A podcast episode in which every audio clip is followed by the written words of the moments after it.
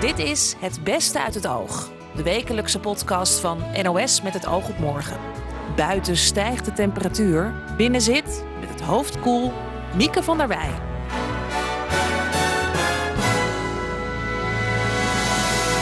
Ja, hartelijk welkom. We hebben weer een mooie aflevering van Het Beste uit het Oog. De podcast van Met het Oog op Morgen, waarin we mooie gesprekken van de afgelopen week bij elkaar brengen. Het was bijvoorbeeld deze week 50 jaar geleden dat er op Curaçao een bloedige arbeidersopstand plaatsvond. En die is zeker nog niet vergeten. du moment dat er spanningen zijn, zie je gelijk dat wat zich de kop opdoet, dat er wordt gezegd: we gaan toch niet weer terug naar 30 mei. En we gaan het hebben over een stad die een make-over krijgt. Het is een beetje Rotterdam. Eh, er wordt niet moeilijk gedaan en eh, recht uit het hart. Maar welke stad, dat hoort u straks. Wel verklappen we vast welke politicus vroeger stiekem rookte. Femke Halsema is daar beroemd over. Iedereen wist dat ze rookte, maar dat kun je foto's nooit zien. Straks een gesprek naar aanleiding van Wereld Niet Rokendag. Nu eerst Henne Holstegen van het Amsterdam UMC. Zij ontdekte met haar team een zeldzaam gen dat de kans op het krijgen van Alzheimer en twee andere vormen van dementie sterk verkleint. Holstegen vertelde mij dat ze door haar vader op het spoor werd gezet van deze ontdekking. Nou, mijn, mijn vader werd op een gegeven moment gebeld door uh, een verzorgingshuis. En die zei: Ja, we hebben hier mevrouw van Andel. En ja, die vraagt zich af of ze nog wel zinvol is. Want ze heeft haar lichaam gedoneerd aan de wetenschap toen ze 82 was. Maar ja, ze is nu 112. Dus is het nog wel zinvol voor haar? Nou ja, dat heeft dus ertoe geleid dat hij daar naartoe is gegaan. Dat hij dacht: die moet ik hebben. Nou, die wilde wel eens zien hoe, dit er, hoe, hoe, hoe, ze, er, hoe ze erbij zat. En, uh, nou en ja, toen... iemand die zich dit soort zaken nog afvraagt op Precies. haar 112e. Ja, nee, Ja. dat is heel bijzonder. Dus hij is erheen gegaan en hij heeft gezien dat, het, dat zij dus helemaal gezond was. Eh, en, en, en ook nog helemaal niet dement. En Nee. ja, eh, toen hij, hij, hij was zo onder de indruk dat hij mij dat vertelde. Ik was op dat moment onderzoek aan het doen naar borstkanker bij het Nederlands Kankerinstituut. Dus ik had er helemaal niks mee te maken. Maar ik was hier echt helemaal door gegrepen. Ja, En ik heb altijd gedacht, oh, ik moet daar nog iets mee. Dat is zoiets bijzonders. En Ja. nou ja, zo is het begonnen. nou ja, ze heeft haar eh, lichaam na haar dood in- aan de wetenschap gegeven. Ja. Is het gen bij haar gevonden? Nee, zij draagt dit gen niet. Dat is Nee. toch gek? Nee, maar het biedt ook wel juist weer, wel weer perspe- eh, perspectieven natuurlijk. Hè? Dus als zij Je dat hebt gen het dan... niet nodig. Ook dat, maar, maar, maar er zijn er waarschijnlijk ook andere genen die ditzelfde soort Ja. effect sorteren. Dus we willen wel heel graag door met nog meer 100-plussers onderzoeken. Want eh, het is inderdaad een hele zeldzame variant. Eh, als je dit gen draagt, dan heb je een, inderdaad een heel veel grotere kans om eh, niet dement te worden en oud te worden. Maar er zijn ook andere genen die waarschijnlijk daaraan bijdragen. Ja. En die willen we ook graag ontdekken. U hebt ooit, nou, aantal jaren geleden in ons Ja. programma, en in- met het oog op morgen, een oproepje gedaan. Dat klopt, ja. We gaan even luisteren, we hebben het gevonden. Oh, wat leuk. Ja. Wij willen ook heel erg graag 100-plussers die inderdaad helemaal eh, eh, niet dement zijn. Geen, daar geen enkele tekens van, eh, van vertonen. Hoe Dus kom je we- aan 100-plussers? Ja, nou ja, mocht u toevallig iemand kennen die, zo- die, dat, eh, die dat is, laat het dan vooral weten. En ik heb het zelf ook even gevraagd of, het hier, eh, of dat hier naartoe gestuurd kon worden. Dus mochten er mensen zijn die iemand kennen of zelf zijn, dan zijn we zeer geïnteresseerd. Ik dacht even, wie, wie vroeg dat nou? Was ik dat? Volgens mij, Bij, bij, nee, was het iemand anders. Wie- wie- Ja. Clary?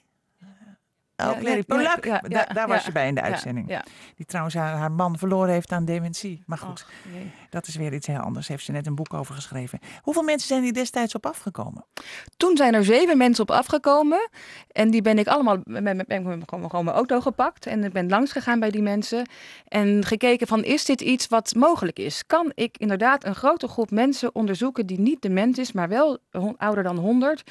Eh, is dat mogelijk? En ja, dit ging. Ik dacht, ja, dit kan ik gaan doen. En toen ben ik het eh, wat, wat eh, ja, mensen om me heen erbij gaan betrekken. Ja. En gekeken van, goh, zullen we dit gaan opzetten of niet? Ja, het draait allemaal om het gen RS 728249005. Nee, nee, het gen is PLCG2. Oh. En dit is wat u nu opleest, is de genetische variant in dat gen wat die verandering veroorzaakt. En wat doet dat gen? Dat gen dat is actief in het afweersysteem. En eh, ja, wat we dus denken is dat het, het- dit, dit, deze, ja, laten we het even voor het gemak een afwijking noemen. Deze afwijking, dit, eh, dit eiwit, het PLCG2-eiwit, zodanig verandert dat, ehm, ja, dat je dat het, uh, dat, dat het afweersysteem iets misschien vriendelijker is, waardoor je er ouder mee kan worden. We weten eerlijk gezegd nog niet precies wat het doet. En daar zijn we ook nu druk mee bezig om dat te bekijken. Maar wat we wel weten is dus dat die afwijking heel gunstig is. Hoe, hoe weet je of je dat gen... Hebt u dat gen? Ik, ik hoop het. Nee, maar, heb, hoe, moet je, hoe kan je dat makkelijk bepalen? Nou ja, dat is moet je dus inderdaad... van een druppeltje bloed en... Uh... Ja, dat kan. Alleen, uh, het is zo dat als je uh, een, een erfelijke variant, als we dat bijvoorbeeld in de kliniek zouden detecteren, dan doen we dat eigenlijk alleen maar bij erfelijke varianten, waarbij als de drager weet of die wel of geen drager is, daar wat mee kan. In dit geval is dat niet zo. Hè? Bijvoorbeeld bij een borstkankergen, als je dat dan weet, dan kan een vrouw beslissen van, nou, ik ben, ik ben drager, dus ik, ga, ja. ik zet mijn borsten af, omdat ik dan ja. minder kans heb om kanker mm-hmm. te krijgen. Dat is hier niet aan de orde. Uh, dus we mogen dat niet terugrapporteren. Neem niet weg dat ik het wel heel graag zou willen hebben. Hoezo mag je het niet terugrapporteren? Ja, daar hebben we nou eenmaal regels over afgesproken. Over wat je wel of niet terugrapporteert in de kliniek. Ja, terugrapporteert aan wie dan? Aan de patiënt. Aan de patiënt. Ja. Dus als ik zeg van nou, ik ben eigenlijk ontzettend benieuwd of ik dat gen heb, dan kan ik niet naar jullie toe gaan en, en, en daarachter komen. Maar ja, in dit geval is het natuurlijk een hele positieve variant. Dus misschien dat daar dan ja. weer andere regels voor gelden. Maar dat, dat zou ik dan eerst eens nog eens uit moeten zoeken. Ja, ja, maar goed, op dit moment kan dat dus nog niet. En daarom Nee, kunt u dus ook niet achterkomen. Of zelfs aan uzelf kunt u dat niet rapporteren. Nou, volgens mij zijn daar wel wegen voor te vinden. Daar zijn, daar zijn, nou ja, maar dat, laten we daar nu niet over hebben. Goed, stel dat je het hebt. Hè? Uh, hoe zeker is het dan dat je helder de 100 haalt? Nou, je hebt twee keer zoveel kans dan als je het niet draagt. En dat is, echt, dat is in de genetica-wereld echt heel veel. Ja, wat, wat kunnen we met deze ontdekking? Nou ja, het is inderdaad een, heel, een hele zeldzame uh, uh, afwijking. Of ja, laten we even afwijking noemen. um, een fijne afwijking. Een hele gunstige ja. afwijking. Uh, maar we kunnen daar wel heel veel van leren. Hè, dus uh, wat doet dat afweersysteem nou anders bij deze 100-plussers ten opzichte van de mensen die dus geen drager zijn van deze erfelijke variant? En um, hoe wordt het immuunsysteem, ja, hoe, hoe, reageert het anders? kan ons leren wat we kunnen doen om mensen die het niet dragen of misschien mensen die juist een hele hoge risico hebben mm-hmm. om dement te worden, een beetje te helpen om dat risico te verlagen. Daar komt het nu eigenlijk op neer. Maar denkt u dan aan een, een medicijn? Uh, nou ja, zover, een middel? Nou ja, zover zijn we nog niet. Maar uh, aangezien het in het immuunsysteem of het afweersysteem uh, een rol speelt, zouden we kunnen, inderdaad kunnen, kunnen kijken van wat wordt nou precies veranderd en zijn er misschien uh, medicaties die ervoor kunnen zorgen dat we hetzelfde zetje geven mm-hmm. van het immuunsysteem wat die 100-plussers al vanuit hun erfelijkheid hebben. Ja, want de hele wereld zit natuurlijk te wachten op zoiets. Natuurlijk. Iedereen, iedereen wil natuurlijk graag op een heldere manier oud worden en niet, Ja. niet een dement worden. Ja. Dus iedereen staat hier natuurlijk met argusogen eh, bij, Ja. bij, bij deze vondst, of niet? Ja, nou ja, absoluut. Dus het, het mooie is dat, nou ja, wat ik al zeg, we hebben het inderdaad omgedraaid. En we kunnen nu inderdaad zeggen, nou ja, we kunnen echt leren van deze 100-plussers. En uh, we, zien, we zien nu deze variant, maar er zijn waarschijnlijk ook andere erfelijke af, ja, varianten Mhm. die, die, die hierin een rol spelen.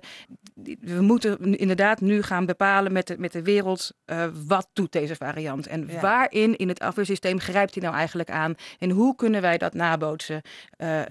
Uh, voor, voor mensen die dat niet vanuit hun erfelijkheid hebben. En ik denk inderdaad dat uh, um, ja, hoe meer mensen hier onderzoek naar doen, hoe groter de kans is dat we ook zoiets ooit kunnen begrijpen. Het is nog toekomstmuziek, dat zeg ik er heel nadrukkelijk bij. Mhm. Maar uh, als we niet kijken, zullen we het nooit weten. en, en wat kunnen we ondertussen doen als we dat gen niet hebben? Uh, nou, we zeggen eigenlijk altijd dat wat goed is voor je hart, is ook goed voor je brein. Uh, oftewel, zorg dat u gezond eet en dat u uh, uh, ja, uw bloedvaten ook gezond houdt en een beetje sport. Uh, dat helpt absoluut bij het. ja. En ik zag een, een, meneer van 103 vandaag in het journaal die zei elke dag een borreltje. Ja, nou ja de 100-plussers die, die wij dus zien, die, die, daarin zien wij echt dat zij minder ge, uh, genetische varianten hebben die uh, gevaarlijk zijn en dus verrijkt zijn met beschermende varianten. Ja. Um, dus die hebben het op een andere manier gedaan. Deze week stond het oog stil bij Trenta di Mei. Op 30 mei 1969 gingen de zwarte werknemers van een Shell-olieraffinaderij in staking voor betere arbeidsomstandigheden. Tijdens een protestmars naar het regeringscomplex sloten meer mensen zich aan en zo ontwikkelde dit arbeidsconflict zich tot een volksopstand tegen de witte elite. Het liep uit op een bloedige confrontatie met de politie en er vielen twee doden en tientallen gewonden. Herman sprak erover met oud-politicus John Leerdam, die een documentaire maakte over die opstand. En dan correspondent Dick Draaier vroeg Herman waar het sentiment voor de volksopstand vandaan kwam. Nou, ik denk dat dat eh, de, de wit-zwart tegenstelling is geweest. Het Nederlandse, eh, de Nederlandse invloed op het eh, dan al wel Antilliaanse bestuur. En de Nederlandse invloed op de economie. En vooral de Shell, hè, waar Nederland ja, het hogere kader toch wel afsloot voor de Curaçaose werknemers. En nou, dat al met al, ik, ik doe het even in een notendop, is ja, een goede voedingsbodem voor ontevredenheid. Ja, is na die opstand ook iets gebeurd in de, met, met de positie van, van de zwarte op het einde ten opzichte van, van de Witten? Ja, er is, uh, er is uh, zoals Stanley Brown, een van de stakingsleiders, uh, zelf gisteren nog tegen mij zei. het witte racisme is langzaam veranderd in, of omgeslagen naar het zwarte racisme. Ehm, dat is volgens mij wel een beetje uitgekabbeld, alhoewel er van discriminatie nog steeds sprake is, van allebei de kanten overigens. Um, de, de positie van arbeiders, of laat ik het zo zeggen, zoals Brown dat verwoordde, de verzorgingsstaat zoals we die in Nederland kennen, die heeft langzamerhand om zich heen eh, gegrepen in, eh, op, eh, op, de, op Curaçao. En Curaçao is welvarender geworden daarvan. hij claimt dat dan als een vervolg van 30 mei. Hm. En dus ik denk dat er om, om, omwonden een, een keerpunt is geweest, 69. En we zijn nu 50 jaar later. Er valt nog steeds veel op af te dingen, denk ik. En die discussie zullen we misschien ook nu wel voeren. maar 30 mei heeft wel louterend gewerkt op de emancipatie en de bewustwording van het zwarte deel van de bevolking. Meneer Leerdam, is, is er na die, die 30 eh, mei 69 is er, is er een discussie geweest op het eiland over de verhoudingen tussen die twee groepen? Nauwelijks. Het is uh, binnen een bepaalde groep is er wel discussie geweest. René Reumer, de toen uh, die later in zijn carrière op een gegeven moment ook gouverneur werd op de, van de Nederlandse Antillen. Er zijn bepaalde discussies geweest, maar echt wezenlijk is de discussie niet gevoerd in alle geledingen van het eiland. Wat eigenlijk wel eigenlijk wat men eigenlijk vond dat wel had moeten gebeuren. Hoe kan dat, dat het, dat het geen onderwerp van gesprek is geworden? Omdat er volgens mij in die tijd en eigenlijk tot de dag van vandaag eigenlijk uh, steeds um, als een soort angstbeeld en een traumatisch beeld eigenlijk is blijven hangen. Als een soort warme, uh, een soort deken over de hele gemeenschap van, de, van, van Curaçao, maar eigenlijk ook op de andere eilanden. Uh, du moment dat er spanningen zijn of dat er uh, ontevredenheid is, dat mensen zie je gelijk dat wat zich de kop opdoet, dat er wordt gezegd: we willen, we, we, die, we gaan toch niet weer terug naar 30 mei. En vervolgens is het eigenlijk vooruitgeschoven.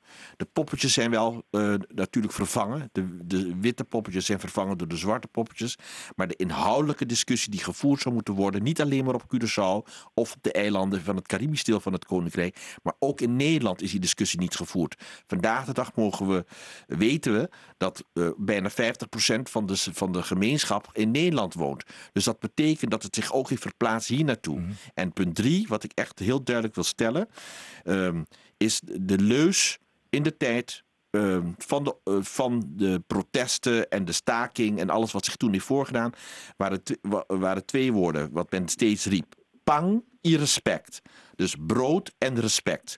En betekent dat men een te groot percentage van de gemeenschap onder de armoedegrens toen leefde. En vandaag de dag zie je dat het zich neigt te herhalen. Dat kan nooit goed zijn. En het tweede is natuurlijk respect dat men vond dat uh, de lichtgekleurdere samenleving of de Nederlandse samenleving geen respect had voor de eigen cultuur en identiteit van de mensen op de eilanden. Dus daar is veel over te zeggen. Maar dat heeft alles te maken. Dat is natuurlijk niet iets wat alleen maar in de zestiger jaren zich heeft voorgedaan. Maar het is iets wat veel langer is begonnen. Veel eerder is begonnen. Dus bijvoorbeeld, we hebben de slavernij gehad. Mhm. Vervolgens is het doorgegaan. We hebben toen vervolgens hebben we te maken gehad met het kolonialisme. Na 1954 hebben we wel gesproken over het statuut. Maar wat heeft dat echt betekend voor de grote massa van de samenleving? Los van dat heel veel mensen wel werk hebben gekregen, bijvoorbeeld bij de Shell, dus de industrialisatie. Maar wat je ziet, dat de automatisering in de zestiger jaren, dat zie je ook in westerse landen, maar ook in andere eh, eh, internationale landen, in Zuid-Afrika, in de Verenigde Staten, in Zuid-Amerika. Dat heeft zich op een gegeven moment in een versneld tempo zich uh, gemanifesteerd in die samenleving. Ja, maar als we, als we even teruggaan naar de, de tegenstelling tussen wit en zwart, hoe ziet u dat dan nu op het eiland? Dat is er. ik kan niet anders zeggen dan dat het er is. Wat je wel ziet, is dat iets wat toen de tijd bijna onmogelijk leek, dat dat enigszins een beetje is veranderd. Hoe bedoelt u? Eh, dat mensen ook buiten hun eigen kringen natuurlijk ook met elkaar wel trouwen. Maar er is nog steeds een scheiding. Ja. Maar doordat je iedereen, de, eh, dat heeft 30 mei wel gebracht, de mogelijkheid van mensen om te gaan studeren of naar de middelbare school te gaan, dat je elkaar ook leert kennen op de middelbare scholen, dat is opengebroken. Is dat ook zo dik wat jij merkt? Dat er toch een zekere mate van, nou ja, goed, eh, we gaan met elkaar om en nog wat vermenging, dat dat iets, iets Ja, toeneemt? kijk, we, leven natuurlijk in de, in de 21ste eeuw in een mondiale wereld, een geglobaliseerde wereld. Dus eh, wat dat betreft eh, voel, ik, voel ik geen eh, bezwaarde punten direct als ik in deze samenleving ben. Ik, ik woon hier 13 jaar en ik, ik, ik zit voornamelijk in een, in een zwarte Curaçaose omgeving, behalve als ik voor mijn werk naar, naar zaken moet. Maar ik ben getrouwd met een Curaçaose, mijn kinderen zijn Curaçaoenaars, worden ook zo genoemd. Dus ik voel dat niet direct, maar het punt is eh, kleur. Hè, waarom wordt er niet over gesproken al 50 jaar lang? Kleur doet pijn, omdat we niet Ja. alleen wit-zwart discrimineren, maar we discrimineren ook grijs-geel en rood, eh, rood-oranje. Leg Ik bedoel, uit. Alles op Curaçao, zeker als het pijnlijke discussies zijn, gaat uiteindelijk terug naar kleur. En dat is wel heel voelbaar hier in deze samenleving. Meneer Leerdam, is dat, dat eh, hij beschrijft ook de, de verschillende eh, maten van, van kleur, Verschillende gradaties de, van de kleur. verschillende gradaties. Ja, dat is iets wat we in het hele Caribisch gebied zien. Ehm, is dat daardoor een andere kleurschakering is dan alleen maar zwart-wit. Dat is ook in Nederland is dat zo. Eh, je ziet dat het intrede ook natuurlijk heeft. De Surinamers, de Antillianen, ehm, de Turken, de Marokkanen, de Molukkers. Er, is een andere soort, een ander soort samenleving, een ander soort dynamiek wat is gaan staan. Waardoor ook het hele vraagstuk over diversiteit en inclusiviteit natuurlijk ook, natuurlijk ook op interna- internationaal vlak is natuurlijk ja, het staat nu heel duidelijk op de agenda. Maar neem niet weg dat 50 jaar geleden is die opstand toen geweest. Het had ook met kleur te maken, want je ziet dat dat toen heeft plaatsgevonden, ook daarna. Maar vandaag de dag is er niet genoeg geïnvesteerd om die, ehm, die inclusiviteit binnen dit koninkrijk waar wij met elkaar leven. In, het- op het gebied van onderwijs, op het gebied van kansen, op het gebied van wat dan ook, economische eh, zelfstandigheid en zo, meer, is niet genoeg in geïnvesteerd om te zorgen dat er niet 40% van die samenleving onder de armoedegrens leeft. Dick Draaier schreef, schreef een essay in, eh, in Trouw, waarin, waarin jij, Dick, eh, schrijf je ook dat jij, laten we zeggen, het zwarte eh, racisme meemaakt. Als, als ja, even relatief witte man op Curaçao. Ja, Herman, even corrigeren. Ik heb het niet over racisme gehad. Eh, eh, ik heb het over discriminatie gehad. Dat vind ik echt twee verschillende dingen. Eh, racisme is geïnstitutionaliseerd in een samenleving en is ja, wat mij betreft nog steeds vooral gericht van wit naar zwart. zeker in de Nederlandse samenleving. Hier op Curaçao merk ik wel heel veel discriminatie. En misschien is er hier ook wel geïnstitutionaliseerde racisme naar witte mensen toe. Maar, en daar heb ik ook wel voorbeelden van. Maar of dat echt zo wijdverbreid is als dat in Nederland omgekeerd is, dat weet ik niet. Dat zou ik moeten onderzoeken. Dat zou ik ook heel graag willen onderzoeken. Maar feit is gewoon dat ik ook een kleur heb. En op Curaçao, zoals ik net al zei, is alles eigenlijk kleur. Dus je hebt met je huidskleur gewoon te maken of je dat nou leuk vindt of niet. Soms biedt dat je voordelen. Hè? Als ik een winkel binnenstap, kan ik ineens zomaar voor als eerste geholpen worden, omdat ik een witte neus heb. Maar als ik eh, bij persconferenties vragen wil stellen aan de minister, dan hoor ik tot de witte pers en moet ik achteraan aansluiten. Dan kom ik echt niet daarvoor. Het eiland is van ons, wordt er dan tegen mij gezegd. Dat heb ik ook als voorbeeld gegeven. Ehm, ik denk dat we ons moeten realiseren dat kleur gewoon een, een, een onmiskenbaar taboe is op ons eiland en niet besproken. En dat dat uit- uiteindelijk wel moet gebeuren, want dat zorgt voor heel veel pijn. Niet alleen bij witte mensen, hè, ook bij zwarte mensen, grijze, gele en welke kleur je ook maar kan verzinnen. Correspondent Dick Draaier over Trenta di Mei. Hoe maak je van een lelijke stad als Den Helder weer een stad waar mensen graag willen wonen? Deze week presenteerde de burgemeester plannen daarvoor. Wilfried sprak met stedenbouwkundige Etso Bindels van ontwerpbureau West 8.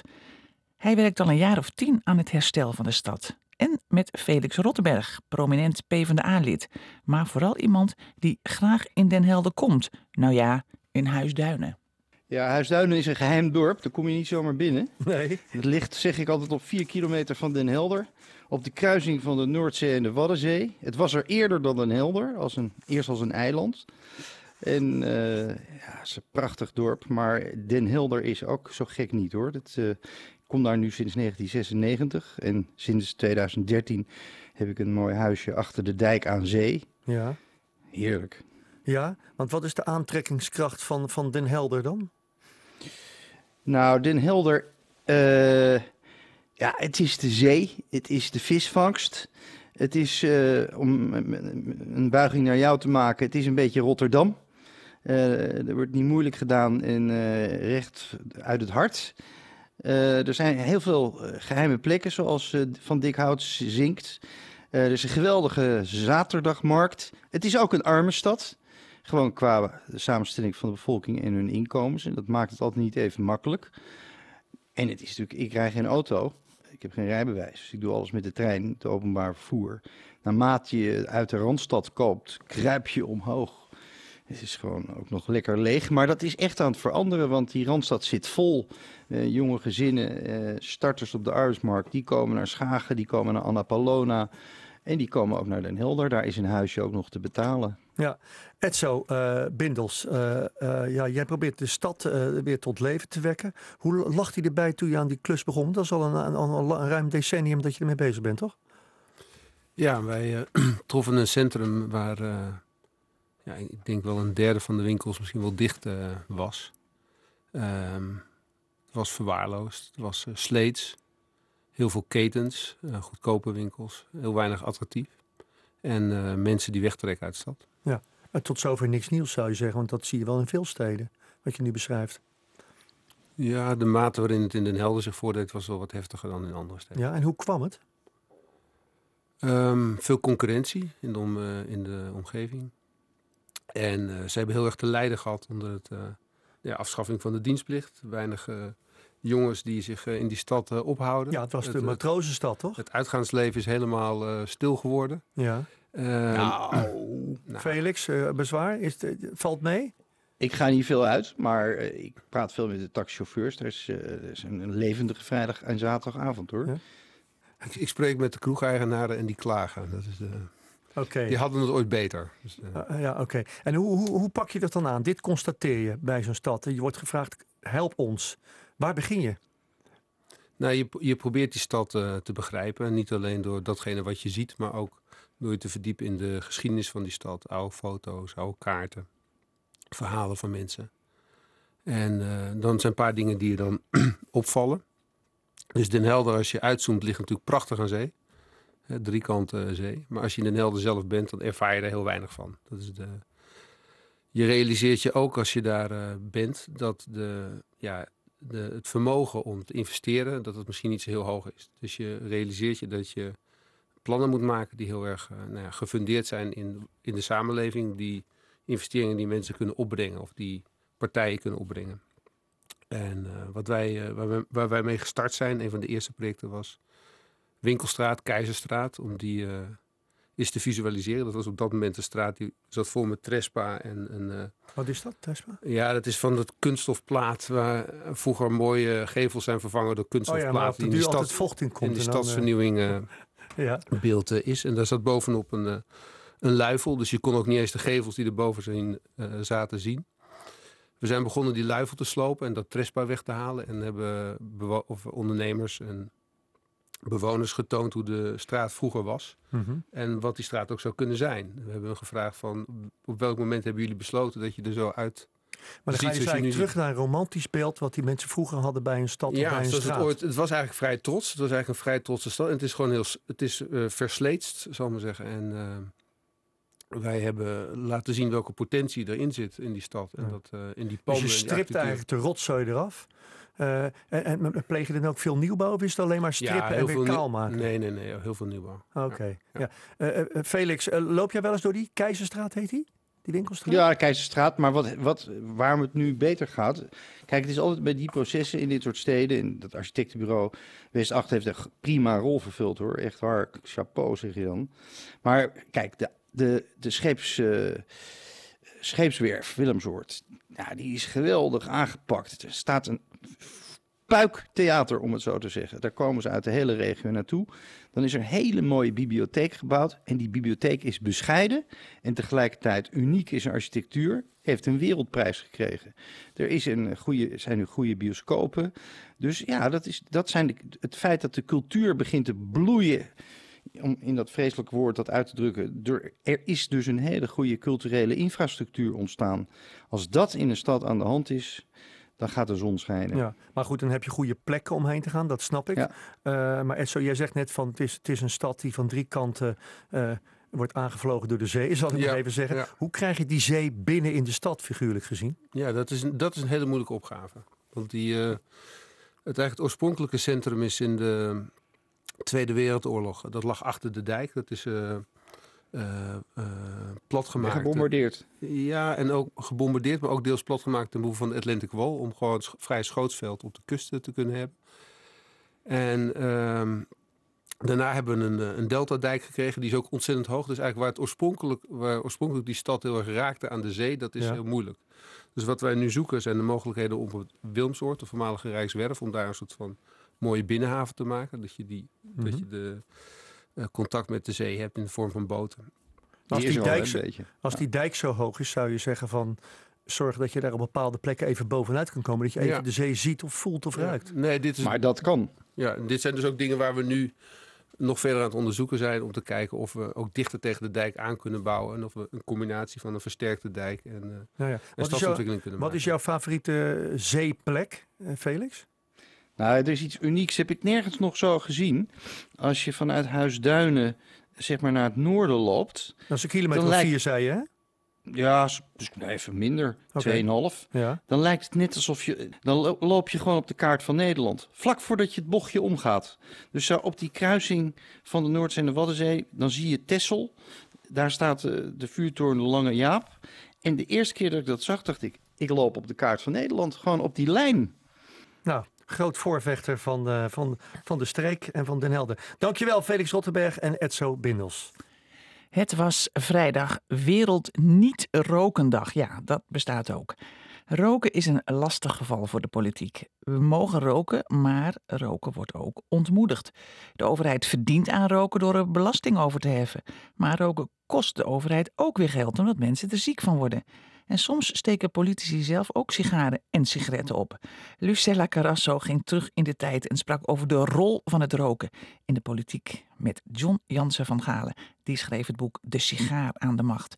En met Willem Melging, historicus en Hitler-biograaf. De Führer bijvoorbeeld moest niets hebben van sigaren en sigaretten.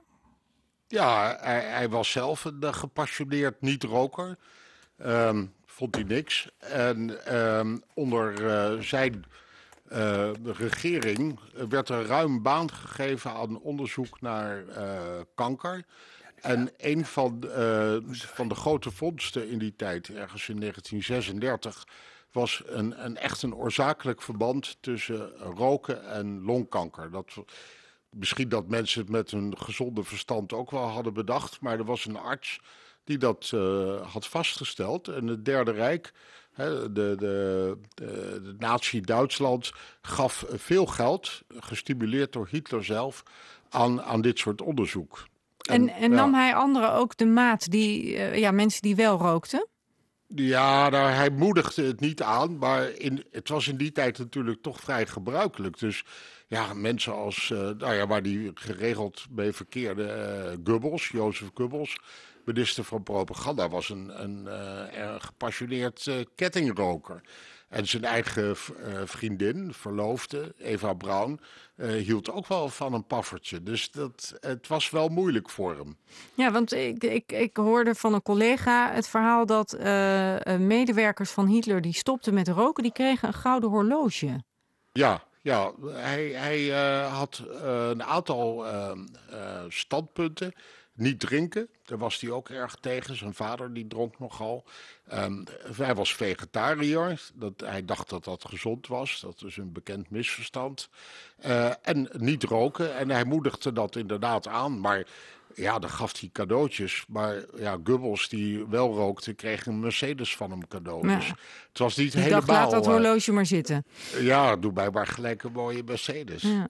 John Jans van Galen, kun jij een voorbeeld noemen van een uh, Nederlandse politiek leider... die helemaal niets met roken had? Ja, daar... de beroemde Willem Drees natuurlijk. Maar die had een heel andere houding dan, dan, dan wat Willem Melging net vertelde over Hitler. Toen ik voor de allereerste keer bij Drees op bezoek kwam voor zijn biografie, was ik getroffen doordat daar op tafel een zwaar verzilverde sigarendoos stond. Want hij rookte immers niet. Maar toen legde hij uit, ja, die heb ik van de koning van Thailand gekregen. En hij had zo'n houding van, die man denkt er anders over. Anders denkenden moest je in hun waarde laten. En als die man mij nou zo'n sigarendoos geeft, dan zet ik die op tafel. En hij heeft zich ook eens, hij was ook niet principieel anti-roker. Hij, hij had last van de maag. En hij heeft op eens een keer op een receptie, heeft zich door de Sovjet-ambassadeur een sigaret laten presenteren. Nou, dat is heel bijzonder, want voor race was communisme nog veel erger dan roken. Maar toen na die, na die gebeurtenis heeft hij tegen zijn vrouw gezegd: Misschien worden zulke bijeenkomsten, zulke recepties toch wat genoeglijker. als ik eens zou proberen hoe het roken van een sigaret mij zou bevallen. En toen heeft hij het ook geprobeerd. Het is niet bevallen, maar het is, hij was absoluut geen geestdrijver in dat opzicht. Nee. En, en hoe zat dat uh, met tijdgenoten uh, Willem Melging van, van Hitler? Ik denk aan, aan Mussolini bijvoorbeeld, Franco. Nou Later, ja, ja. Je, je moet het uh, bij Hitler, behalve zijn persoonlijke aversie tegen roken, moet je het ook zien in, in de, tegen de achtergrond van dat fascisme, waar hij uh, nou ja, een bekende vertegenwoordiger van is. Die geloofde in een, in een zuiver lichaam, een, rein lichaam, een sportief lichaam. En daar paste dat roken helemaal niet in. Dus het was wijdverbreid onder in, in fascistische kring om dus uh, aan sport te doen. Een, een, uh, dat was toen heel modern om aan sport te doen. En daar hoorde dus bij uh, matigheid en vooral dus ook niet roken. Ja. En um, ja, in, die, in die tijd was dat bijzonder, maar het was ook heel modern. He, je, je was een, een, een kind van je tijd als je fascist was. En dan deed je aan sport. En dan rookte je natuurlijk niet. En, en dus, ja, in diezelfde tijd hadden wij natuurlijk een minister-president... die de grootste sigarenroker in de Nederlandse politiek is geweest. Hè? Dus Colijn. Van ja, Colijn kennen we het beeld van... Uh, het iconische beeld zou ik haar zeggen... dat hij als jong officier in het koloniale leger... staat hij bij het fort van Lombok. Daar zijn de troepen bezig met een stormloop weer te heroveren. En dan keert hij zijn rug naar de stapels lijken die er inmiddels liggen en steekt hij eens even een sigaar op. En ja, later, dan schrijft hij... hij... ook nog trots naar huis, toch? Ja. Jazeker, ja. Ja, John? Ja. En, en, en, en later, als hij premier is, dan wordt hij geïnterviewd door de hoofdredacteur van de Haagse Post. Zelf een groot sigarist. En die schrijft dan, hij kan alles. Zelfs de moeilijkste departementen. Driemaal premier, een werker, een regent en een roker. 20 tot 25 sigaren per dag. Proficiat, excellentie. Nou, 25 sigaren. En het waren niet van die kleine pikeurtjes. Hè? Dat waren echte grote bolknaks. Uh, en 40 jaar later rookte Van Riel, die rookte er 15 per dag. Dus ja, toen was Nederland kennelijk al niet meer wat het ooit geweest was. En jij noemt een mooie woord sigarist. Uh, hoort de sigaar bij een bepaalde partij of politieke kleur? Nee, Wat, dat, is een uh, bekend, dat is een algemeen, algemeen bekend misverstand. De politieke cartoonist die uh, identificeert de sigaar met de kapitalist.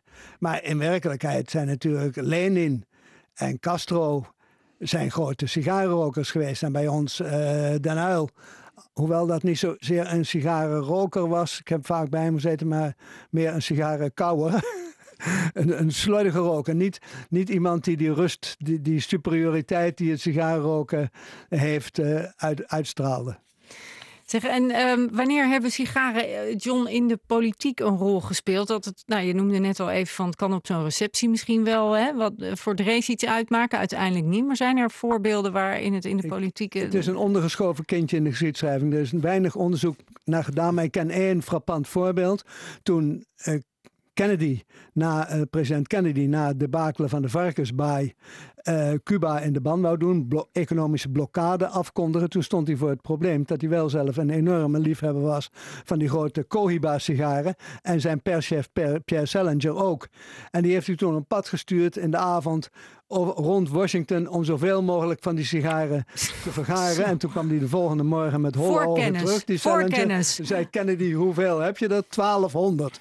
Nou, dat was genoeg. En toen heeft hij dus die boycott afgekondigd. En die is dus eigenlijk met een half etmaal uh, uitgesteld ten gevolge van de sigaar. En jij noemt nu uh, Amerikaanse president. Ik weet niet of Clinton nou ter sprake moet brengen met Monica Lewinsky. Ja, ik heb een ander voor. Dat moet je wel ter sprake brengen. Dat denkt iedereen gelijk aan. Maar ik, eh, in dit boekje, toen was dat nog niet gebeurd met die Lewinsky, heb ik een ander voorbeeld. En dat vond ik wel iets voor de achteruitgang van, van de Amerikaanse president. Dat was toen bekend geworden dat Clinton rookte sigaren, maar dat mocht van Hillary niet meer in het Witte Huis. Dus die moest daar op het gazon sigaren gaan staan roken. Toen dacht ik al, dat is toch niet de ware uh, machtige president. Brokkelt af. Oh. meneer Melging, zijn er na de Tweede Wereldoorlog nog Duitse leiders geweest die uh, fanatiek anti-roken waren? Of vrouwen van Duitse leiders? Nou, anti-roken niet zozeer. Maar uh, er zijn de Duitse uh, geschiedenis wel een paar uh, grote rokers, echt legendarische rokers.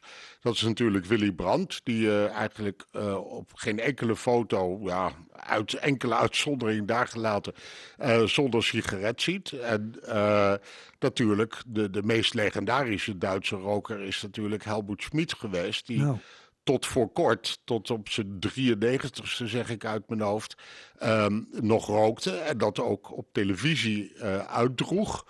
Uh, want mensen mochten hem wel interviewen op televisie, maar als hij niet kon roken, dan kwam hij niet. Dus daar moest zelfs de brandweervoorschriften uh, moesten daarvoor wijken. En over Willy Brandt gaat altijd het verhaal dat hij eigenlijk de greep op de werkelijkheid verloor en op de politiek verloor toen hij besloten had om niet meer te drinken en niet meer te roken. En uh, gelukkig heeft hij dat drinken gauw weer hervat. Dat hielp al wel wat.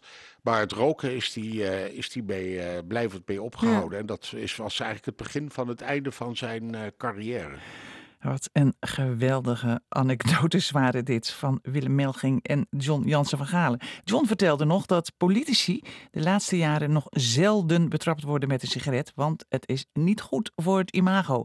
Wel staken mensen als Ria Bekkers en Femke Halsema er geregeld eentje stiekem op.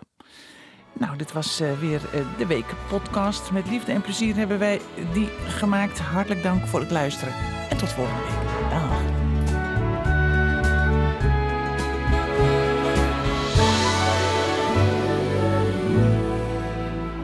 Gute Nacht, Freunde. Es wird Zeit für mich zu gehen. Was ich noch zu sagen hätte, dauert eine Zigarette